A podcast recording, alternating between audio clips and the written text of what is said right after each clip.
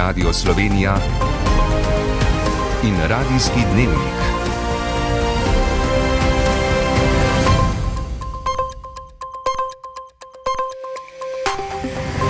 Ura je 18 in 30 minut.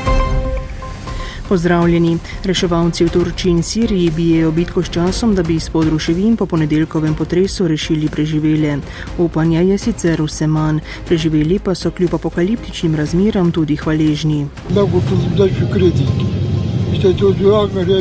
Hvaležni smo, da so nas rešili. Če bodo moji otroci okrevali, nimam nobenih drugih težav. Denar in materialne stvari niso pomembne. Rešili smo svoje življenja, nič drugega nam ni preostalo. Število smrtnih žrtev je sicer preseglo 23 tisoč. V odaji ne preslišite še. Oblasti na Dunaju se distancirajo od poziva k ustavitvi slovenizacije na avstrijskem Koroškem. Deljeni odzivi na vladno predstavitev izhodišč za prenovo plačnega sistema. Smučarski skakavki Ema Klinec in Nika Prevc na zmagovalnem odru Hincenbachu zmaga Avstriki Pinkelnik. Konec tedna spremenljivo in suho. Z vami sva Barbara Zupan in Katja Podgoršek. Ponedeljko potres v Turčiji in Siriji je torej po najnovejših podatkih zahteval več kot 23 tisoč smrtnih žrtev. Medtem ko je upanja, da bi pod ruševinami še našli preživele, vse manj se krepijo pozivi za pomoč ljudem, ki so v potresu izgubili vse. Kot so sporočili svetovnega programa za hrano, mora zagotoviti hrano za skoraj 900 tisoč ljudi, za kar potrebuje 77 milijonov ameriških dolarjev. Špele Novak. Reševalci na jugovzhodu Turčije še naprej iščejo morebitne preživele. Slovenska ekipa v regiji Hataj, v kateri je tudi vodnik reševalnega psa Tomaž Dražomerič, je danes pregledala pet ali šest lokacij. Razmere za delo so zelo zahtevne. Je pa zelo težavno tudi eh, vožnja po cestah, ker je velik zgrad na samih eh, cestah in v bistvu so neprevozne, tako da dve sosednje ulice lahko nam vzame to moč pol ure časa. Veliko je tudi razbitin, kot so sporočili iz uprave za zaščito in reševanje. Eden izmed sedmih psov zaradi poškodbe danes ni mogel sodelovati pri iskanju. Možnosti, da bi našli preživele, je vse manj. Je pa tudi vedno več vonja pri minulih na reševini, eh, kar je v bistvu in za nas in za pse eh, dokaj stresno. Iz sosednje Sirije pa šele nekaj dni po potresu prihajajo podatki o tem, kakšno opustošenje je povzročil državi, ki je že tako uničena zaradi dolgotrajne vojne. Mednarodni odbor Rdečega križa, katerega predstavniki so obiskali Alep, opozarja, da se tam dogaja humanitarna katastrofa. Ljudje, ki so komaj začeli na novo graditi svoje uničene domove, so izčrpani, nimajo ne čiste vode, ne ogrevanja in elektrike in ne zdravil. Prva humanitarna pomoč je v Sirijo prispela šele včeraj. Gre za konvoj, ki je bil načrtovan že prej, a je bil zaradi neprevoznih poti ustavljen. Danes je v državo prispel še en konvoj s pomočjo, vendar kot opozarjajo humanitarni delavci v Siriji, ta pomoč še zdaleč ni zadostna. Je pa po poročanju ruske tiskovne agencije TAS več kot 20 ton humanitarne pomoči dostavila Rusija, ki naj bi v kratkem poslala še 70 ton hrane. Alep je sicer danes obiskal tudi sirski predsednik Bašar al-Assad. Vlada pa je odobrila dostavo pomoči tudi na območja pod nadzorom upornikov. Sirska prostovoljna organizacija Bele čelade je medtem kritizirala Združene narode, od katerih ni prejela še nobene opreme za iskanje in reševanje in jih obtožila, da delujejo v imenu Asada, ne pa sirskega ljudstva. Države zato poziva naj Siriji pomagajo neposredno, ne prek Združenih narodov. Ukrajinske oblasti ocenjujejo, da se je začela že nekaj časa pričakovana ruska ofenziva na vzhodu Ukrajine. Rusija je danes znova izvedla obsežne raketne napade na ukrajinsko energetsko infrastrukturo. Zaradi tega so bile oblasti prisiljene ustaviti dobavo električne energije v večini države. Najhuje je bilo v regijah Harkov, Zaporožje in Hmelnicki. Dve od ruskih raket sta kršili moldavijski zračni prostor, zato so tamkajšnje oblasti na pogovor poklicale ruskega veleposlanika. Romunske oblasti pa so sporočile, da sta omenjeni raketi leteli 35 km od njene meje. Na slovenskem zunanjem ministrstvu so danes opravili pogovor z avstrijsko veleposlanico Elizabet Elison Kramer glede sporne spletne objave koroškega podmladka svobodnjaške stranke. Ti so pozvali voljivce naj na skorajšnjih deželnozborskih volitvah na avstrijskem koroškem ne glasujejo za zdaj vladajočo socialdemokratsko stranko in tako ustavijo slovenizacijo dežele. Kot je dejala zunanja ministrica Tanja Fajon, je bil pogovor z avstrijsko veleposlanico pozitiven ker se je avstrijska vlada po njenih besedah jasno distancirala od te retorike mladih svobodnjakov, da bo spoštovala in spoštuje vse pravice narodnostne manjšine in seveda vsi na avstrijskem koroškem postavljajo to v kontekst predvoljivne kampanje eh, z ostrimi obsodbami za vseh strani. Tako je spletno objavo obsodil tudi koroški deželni glavar Peter Kajzer. Skrb zaradi poziva mladih svobodnjakov je izrazil ministr za slovence v zamejstvu in po svetu Matej Arčon. Objavo pa je za nedopustno označila predsednica države Nataša Pirc Musar in ob tem povdarila, da so pravice narodnih manjšin temeljne človekove pravice. V Italiji zaznamujejo dan spomina na žrtve fojb in izselitev italijanov iz Istre, Dalmacije in z reke, medtem ko so na proslavi ob fojbi ob V Bazovici tudi letos nekoliko prezrli fašistično dvajsetletje, ki je pripeljalo do povojnih pobojev in izselitve italijanov, so med slovesnostjo v predsedniški palači na rimskem Quirinalu pokazali veliko več odprtosti za trpljenje obeh strani. Predsednik republike Sergio Mattarella je tako upozoril na brutalno raznorodovalno politiko fašizma. Več Janko Petrovec. Slovenska stran je čakala dolgo, to da ta čas najuglednejši italijanski politik je tvegal pred svojo javnostjo. Simbolni kraj fašističnega nasilja nad Slovenci in Hrvati je kot prvi umestil v politični diskurs Italije. Po predsedniku Sergio Mattarelli so grozljivi simboli različnih totalitarizmov, fojbe, taborišče na Rabu in tržaška rižarna. Ob zahtevi, da mora biti spomin na žrtve fojb glasen, je Mattarella večkrat spomnil na brutalnost brutalnost protislovanske politike fašističnega režima, ki da je danes nihče več ne more postavljati pod vprašaj.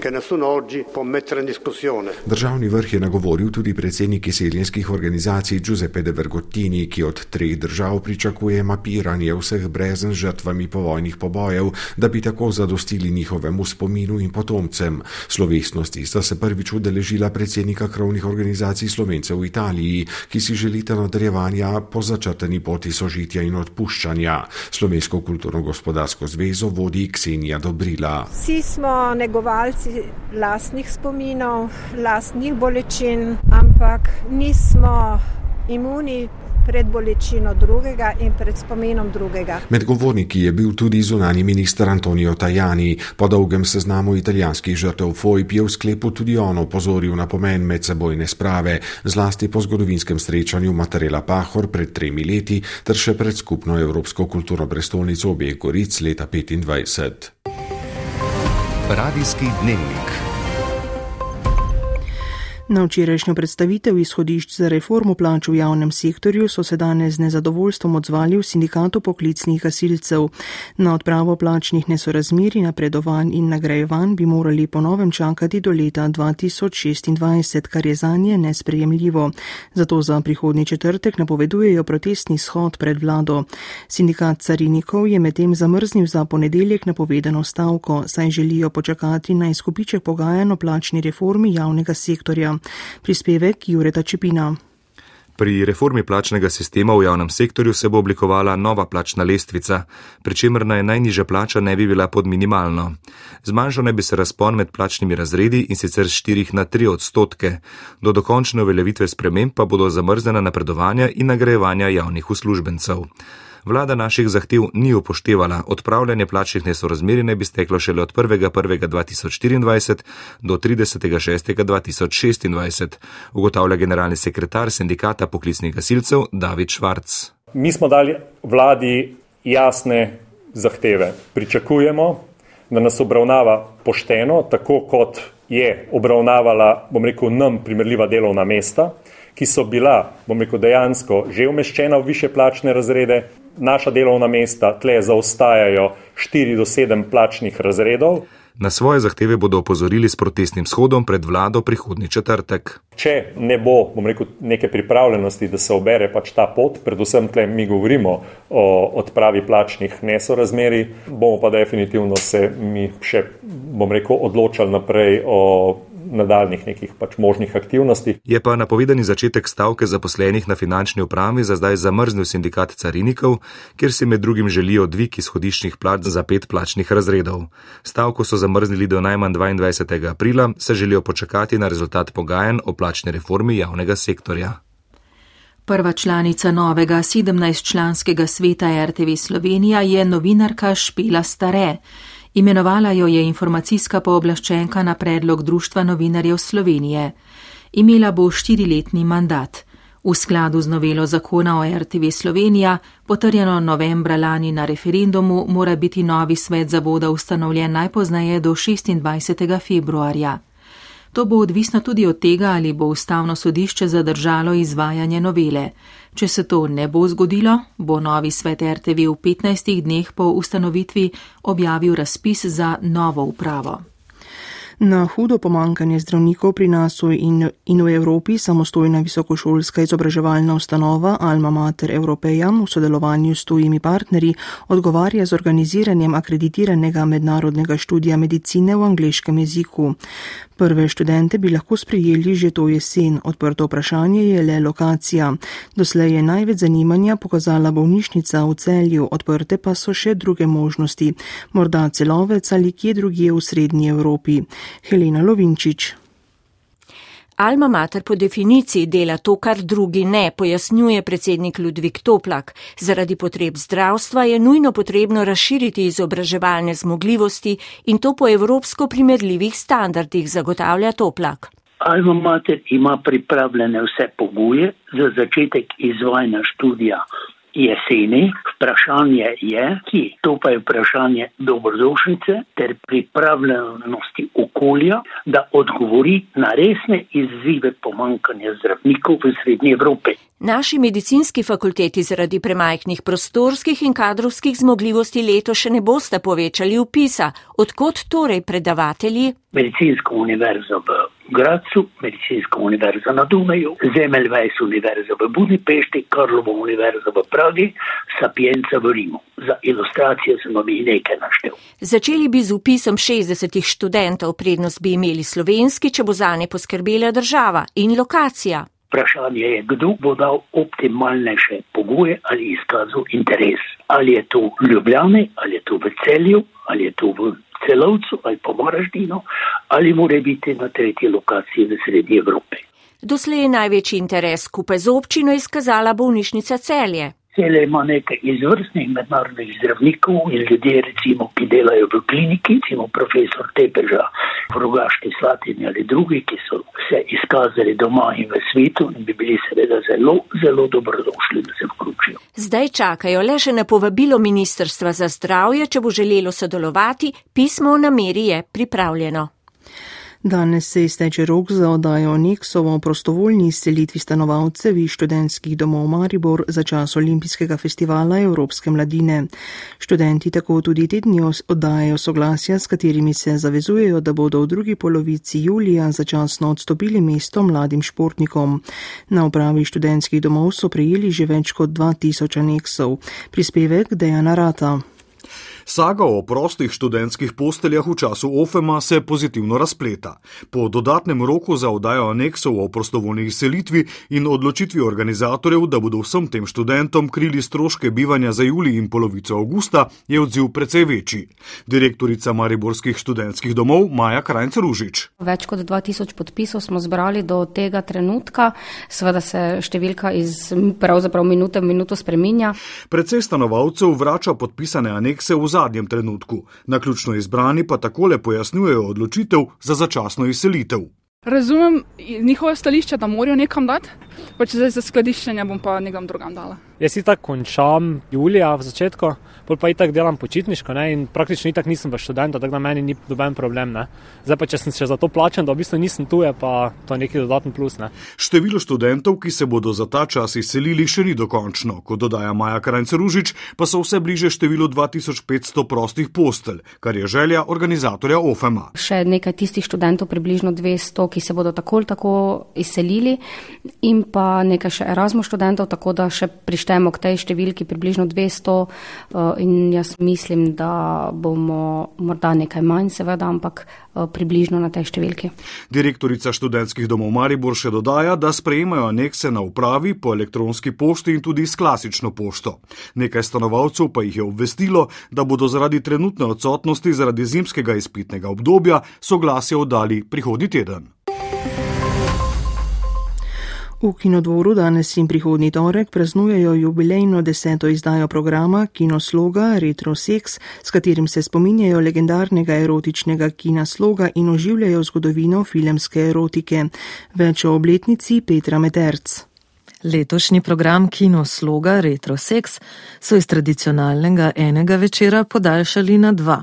Več Maša Peče, kuratorka programa. Ker je deseta edicija praznična programa Kinosloga Retrosex, obenem pa tudi letos praznujemo stoletnico kinodvora, torej te dvorane, naše prve filmske palače, odprte leta 1923, smo rekli, da je treba nekaj posebenega narediti in uh, jaz zapišem že v vodniku, da v tem našem žanru je več je več, mora izmort, tako da uh, seveda več filmov, bolj smo veseli.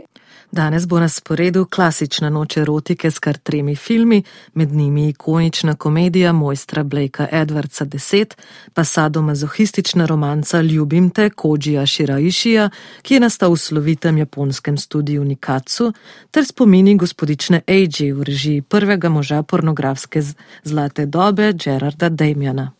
V torek se bo program začel z dokumentarnim performancem slovite dokumentaristke Ruth Beckerman z naslovom Mucenbacher. Kot pove Peče, film pod drobno gledu zame. Tudi to zelo glasno uh, literarno klasiko, klasiko uh, erotične literature, dnevniki ali pa memoari uh, Jozefine Mucenbacher iz leta 1906. Mi pa seveda vemo, da je bil en največjih hitov v kinosloga vseh časov Vroče noči Jozefine Mucenbacher, bavarski film iz 80-ih let in zato bomo te dva filma združili. Več o programu in obletnici programa Kinosloga Retro Sex pa v naši filmski oddaji Gremo v kino. Ponovimo, časa, da bi reševalci po ponedeljkovem potresu pod ruševinami porušenih stav po Turčiji in Siriji našli morebitne preživele, je vse manj. Z območja poročajo o pomankanju pitne vode, elektrike in zdravil. Hrano bi bilo treba zagotoviti skoraj 900 tisoč ljudem. Število smrtnih žrtev je sicer preseglo 23 tisoč. Diplomatski pogovori med Ljubljano in Dunajem so v znamenju spornega poziva podmladka avstrijske svobodnjaške stranke k ustavitvi slovenizacije na avstrijskem Koroškem. Avstrijska veleposlanica v naši državi je na današnjem zagovoru zagotovila, da se njena država od poziva odločno distancira. Sledijo športne minute, v katerih bomo med drugim govorili o novem uspehu smučarskih skakalk na tekmi svetovnega pokala ter o dobrem začetku svetovnega prvenstva za biatlonko Polono Klemenčič. Z vami bo Mojca Breskvar. Želimo vam prijeten večer.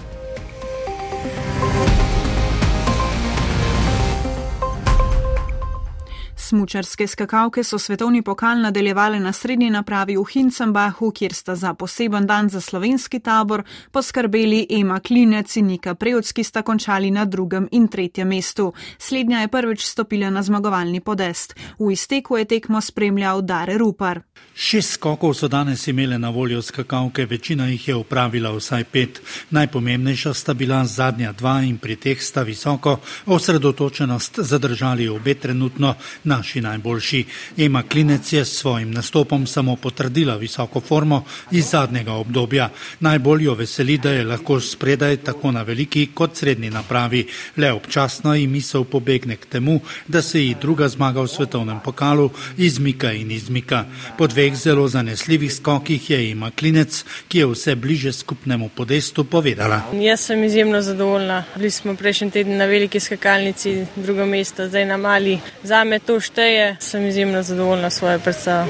Nika Prevc že dolgo nakazuje svoj talent, le pravočasnost na odskočnem pomolu je morala ujeti. V finalu je pridobila štiri mesta in bila prvič deležna vseh pozornosti ob zaključni slovesnosti. Sem pa tudi sama ja, zelo zadovoljna, pa zelo srečna z današnjimi skoki in rezultatom. Še enkrat je bila najboljša Eva Pinkelnik, ki tlakuje pot do velikega kristalnega globusa. Zadovoljna je tudi Katra Komar, v točkah pa je še Maja Otič. V Oberhofu je bil na svetovnem biatlonskem prvenstvu danes podeljen prvi komplet medal v posamični konkurenci. Zlata medalja ostaja doma, tudi o vrhunski slovenski uvrstitvi pa z prizorišča več Aljaš Golčer.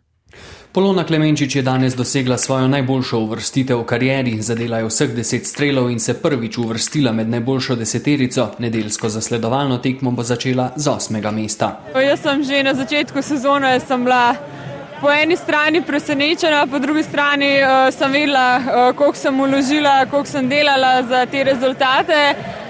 Ampak ja, že pred sezono je Jana, tako, če daš 0-0, to bo sigurno top 10, sem res tako počakaj, ne, nismo še tam, ampak v bistvu je pravilno napovedala.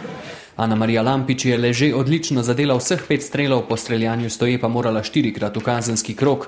Z 58. mestom si je zagotovila mesto na zasledovalni tekmi, brez nastopa v nedeljo je prav tako s štirimi kazenskimi krogi ostala živa Klemenčič. Naslov svetovne prvakinje je ob navdušenju tukajšnjega občinstva osvojila Nemka Denis Herman Vik, srebro in bron pa sta osvojili švedini Hanna Eberk in Lynn Persson. Jutri bodo na sprintu biatloncev slovensko četverico sestavljali Jako Fak, Alex Cisar, Lauro Planko in Anton Vidmar. Slovenska hokejska reprezentanca je zmagala tudi na drugi tekmi turnirja v Bolcanu. Južno Korejo je odpravila z visokih 10 proti nič. Že po uvodnih 20 minutah so Slovenci kar petkrat premagali nasprotnega vratarja. S tremi zadetki se je izkazal Anže Kuralt. Mislim, da je to prva tekma, upam, da, da ni ta zadnja. Jaz bi se najbolj vesel bil, če bi lahko vsak tekmo tri gole, ampak uh, ja, hokej je težek šport, tako da sem uh, zelo vesel, da mi to ratal upam, da pa da še kdaj ponovim. Preostali streljci so bili tedaj Čimžar dvakrat, po enkrat pa Rok Tičar, Rok Kapel, Jaka Šturm, Matic Podlipnik in Ken Ograjenšek. Jutri, zadnji dan, bo Slovenija za zmago na turnirju igrala proti Mačarski. Poslušali ste radijski dnevnik, urednik Niko Robaus, voditeljica Katja Podgoršek, napovedovalka Barbara Zupan, tonski mojster Jernej Pogačnik.